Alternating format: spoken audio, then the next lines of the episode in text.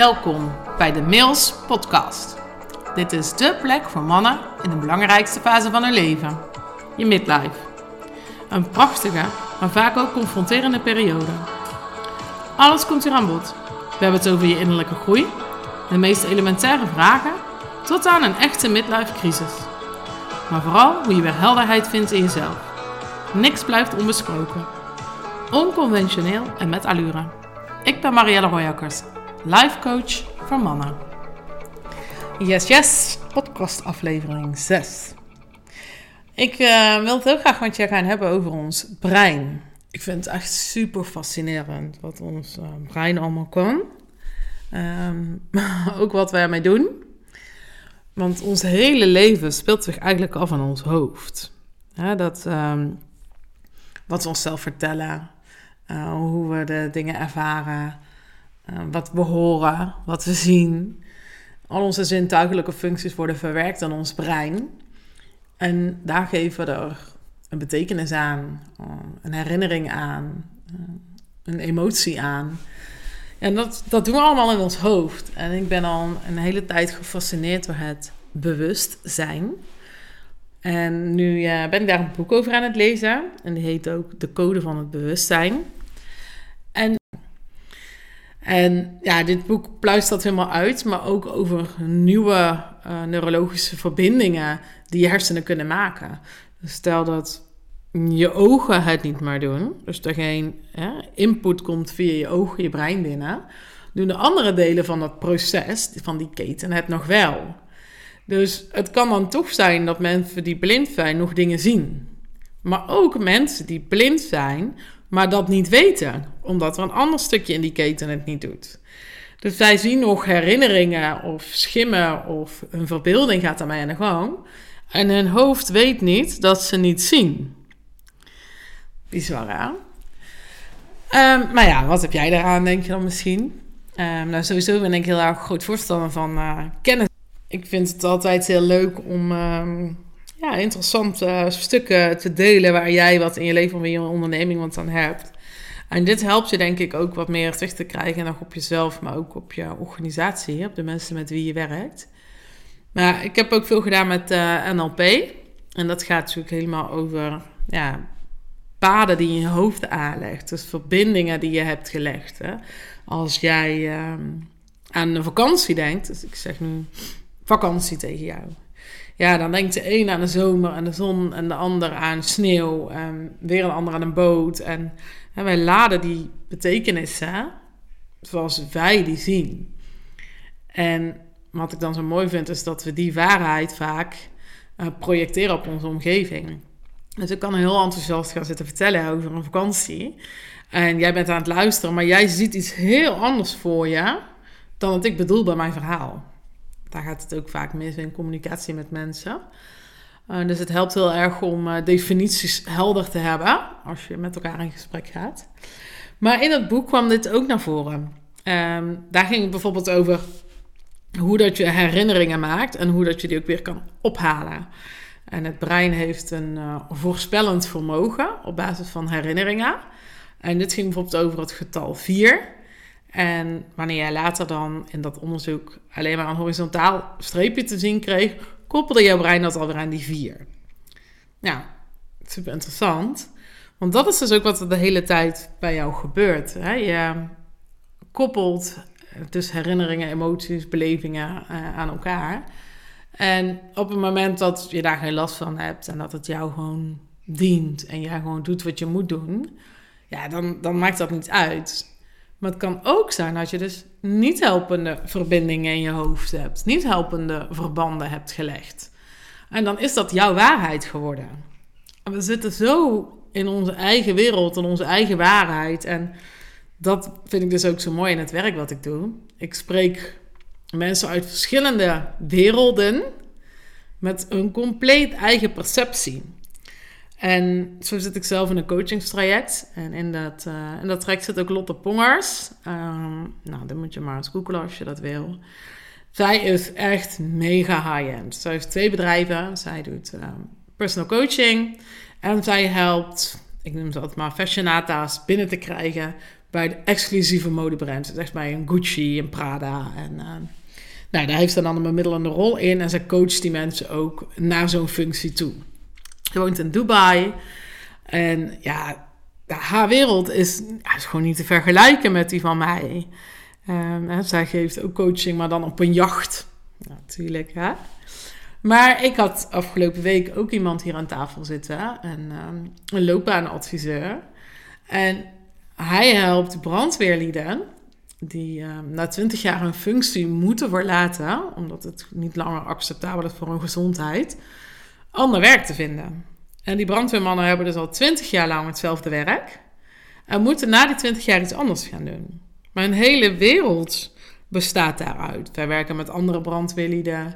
Hun, hun diensten zijn opgebouwd uit diensten van 8 uur, en 18 uur, sorry. En die draaien ze twee. En dan zetten we een werkweek erop. Dus vaak hebben ze daarna nog een andere baan, een ander inkomen. Wat zorgt voor een royaal inkomen. Ehm, nou, een stukje vrijheid. Dat, ja, dat je dus en-en kan doen. Ja, en dan moet je dat brandweerman bestaan opgeven. En dat is dan twintig jaar lang jouw wereld geweest. als je zo daar op metaniveau boven kan gaan hangen... en dan hè, kan zien hoe iedereen dus zijn eigen perceptie heeft van de wereld en van de waarheid en van waarde, ja, dat vind ik echt super interessant. het gedeelte van ons brein waar we herinneringen opslaan heet het semantisch geheugen. Ehm, en we hebben nog een apart geheugen voor conditionering. We hebben nog veel meer soorten geheugen. Maar daar leggen we dus die koppelingen. En met NLP kan je dus uh, je bewust worden van die paden die je aanlegt maar dus ook kiezen voor nieuwe paden.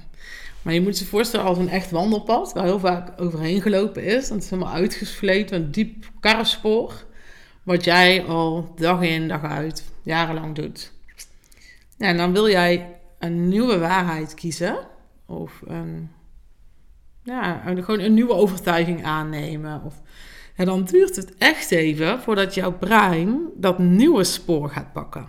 Want het andere is uitgesleten en dan, dan daar, daar ga je gewoon heel makkelijk in. Dus het duurt even voordat jij je nieuwe gewoontes je nieuwe herinneringen gaat koppelen. Maar het kan wel. En het, het helpt heel erg om dat altijd zo vanuit wat je wel wil, van wat er wel is en waar je naartoe wil. En niet van wat je niet wil. Hè? Dus ze zeggen ook altijd, denk niet aan een roze olifant. Ja, je hoofd hoort dat woordje niet, niet. Die ziet gewoon een gelijk een roze olifant voor zich. Dus um, het kan absoluut om die nieuwe paden aan te leggen. Um, en dat is wat ik je ook heel graag dus in deze podcast wil meegeven. Is dat je ervan bewust bent hoe jouw brein werkt. En dat jij dus echt letterlijk bepaalt hoe jouw leven eruit ziet. Want jij, jouw leven speelt zich af in jouw hoofd. En ja, wat is dan ook de definitie van de waarheid? Want we kleuren het altijd in onze eigen perceptie. En daar komt ook een stukje conditionering bij kijken. Hè? Dat ja, jouw verleden, jouw paradigma's ehm, ja, bepalen hoe jij het ervaart. En dan kun je vast blijven houden aan de verhalen die je zelf vertelt. Of kiezen dus voor een nieuw verhaal. En zo sprak ik laatst ook iemand. En ehm, ja, die vraagt zich dan af, al heel lang, ben ik wel goed genoeg? Ja, als jij jezelf dat blijft vertellen, dat dat jouw verhaal is, dan ga je dat spoor dus alleen maar verder uitdiepen. Ben ik wel goed genoeg? Ben ik wel diep? Dat spoor wordt alleen maar dieper en jouw hersenen pakken alleen maar sneller dat pad. Dus in plaats van je dat af te vragen, kun je jezelf ook gewoon heel briljant gaan maken. En daar had ik het gisteren met, uh, met uh, mijn uh, coachingsbuddy over. Hoi Elina. over ja, jezelf geniaal maken. Omdat wanneer jij jezelf dus klein houdt vanuit bescheidenheid of vanuit nuchterheid. Of, maakt niet uit waarom dat je dat doet. Maar dat is dus ook het pad wat jouw hersenen dan nemen. Dat is ja, de weg van de minste weerstand.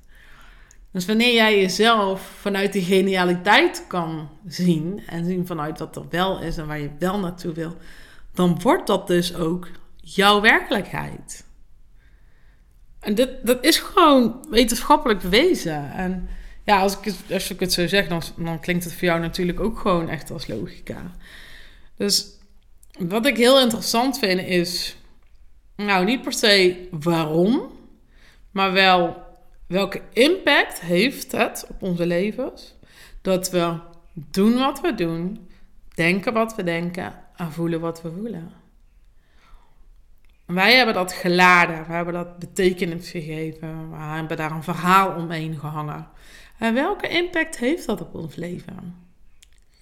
En als je nou opnieuw zou kunnen kiezen, welke waarheid wil je dan aannemen? Welk nieuw spoor wil jij gaan maken? Het leven is dus echt wat jij ervan maakt. Welke waarheid ga jij jezelf vanaf morgen vertellen? Ik kies voor genialiteit. Waar kies jij voor? Nou, het was een uh, high vibe uh, energy podcast. Omdat ik hier super enthousiast over ben. Ik heb het boek um, bijna uit. Ik weet bijna waar ons bewustzijn zit in ons hoofd. um, ja, als ik het weet, dan uh, deel ik het met je. Misschien vind je het wel super interessant om dat ook te weten. Vooralsnog ben ik bij een van de laatste hoofdstukken die gaat over dus waarom we ervaren wat we ervaren, waarom we blauw zien als blauw en vanille proeft als vanille. Um, ja, hoe dat, dat ontstaat, hoe dat we dat kunnen uitlezen. Waarom we dus niet hersenactiviteit, energie um, van neuronen en synapsen, uh, dat we die ervaren, maar dat we dus blauw zien. Dus uh, super interessant. Ik ga nog even lekker verder aan mijn boek. Ik wilde dit graag met jullie delen. Um, nou, ik hoop dat dit uh, inspirerend voor je was. En ik wens je nog een hele fijne middag of avond. Tot de volgende!